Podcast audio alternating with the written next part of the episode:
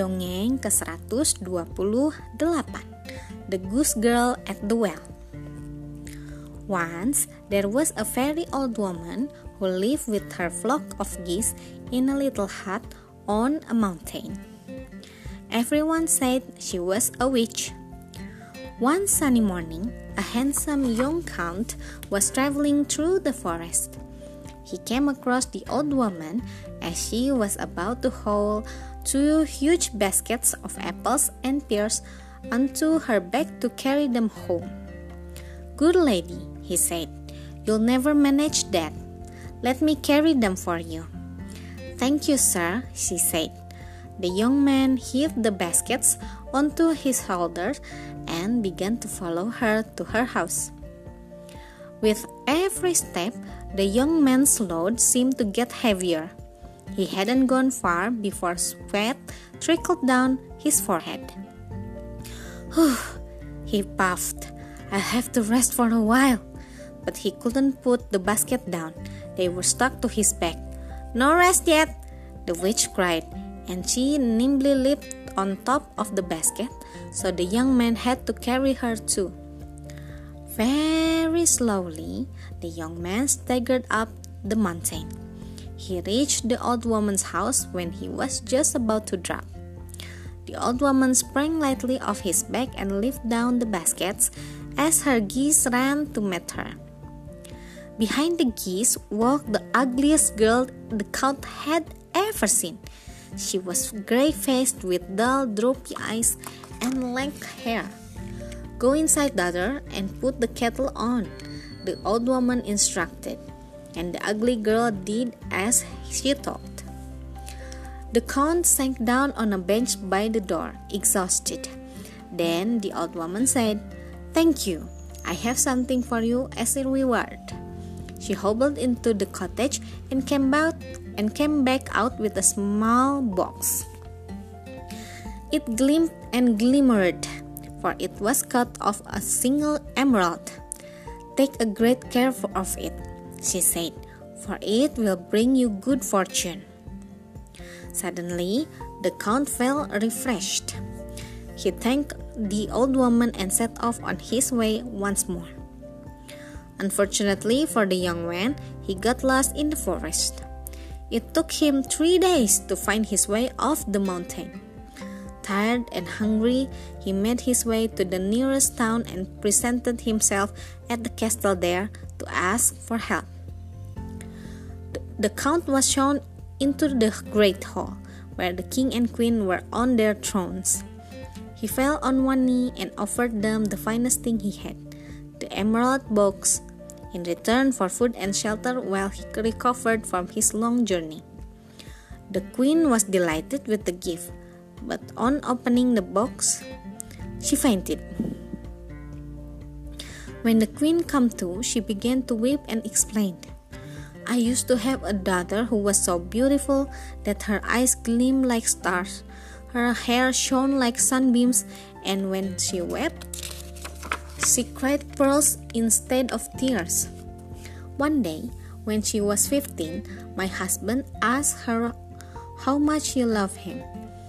He expected her to say more than the sun or more than diamonds but instead she said, Food tastes horrible without salt, so I love you more than salt. Well, the king didn't think much of that answer at all. He was so angry that he had her banished from the kingdom. The next day, he deeply regretted that he had done, but no one could find her. He haven't seen her since, but just now I opened your emerald box and inside is a pearl just like the ones of my daughter used to cry. Please tell me where did you get it? So the count told the queen all about the old woman. He said that he hadn't seen or heard anything of the princess, but the queen was determined to go and ask. Next day, the count set off on his horse tracing his way back up to the mountain, while the queen and king followed behind in a carriage. He led them through the forest higher and higher until the mountain road became very narrow and steep. Then he continued on horseback while the king and queen had to leave the carriage and continue on foot. And so the count came to the old woman's hut first. He stopped to catch his breath under a tree before approaching. There were the geese flapping ar- around outside, and there was the old woman's ugly daughter standing at the well.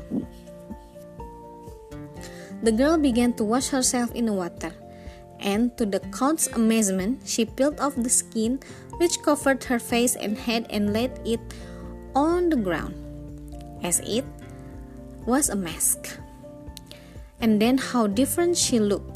Her eyes gleamed like the stars, and her golden hair flowed around her like sunbeams. The Count thought she was more beautiful than anyone he had ever seen. He hardly dared to breathe, but stood quite still, and the girl didn't notice him. She carefully picked up her mask and disappeared into the cottage. The stunned Count waited for the Queen and King, then told them everything. The couple rushed into the cottage at once.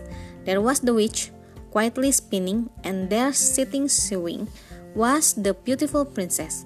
For a moment, the girl thought she was dreaming. Then she sprang up and hugged her parents, who were weeping with joy.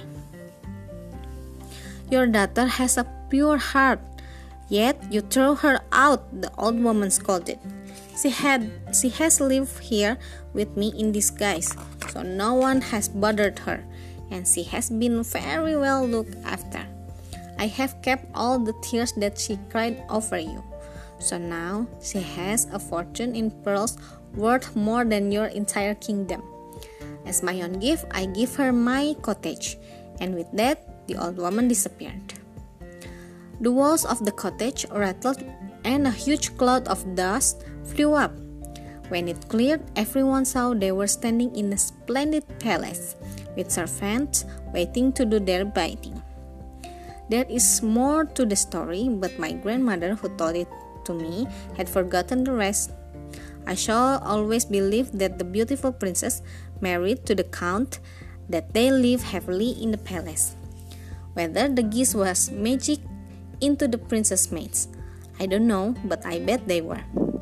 And this is a certain the old woman has no wicked witch, as anyone thought, but a wise woman who meant well.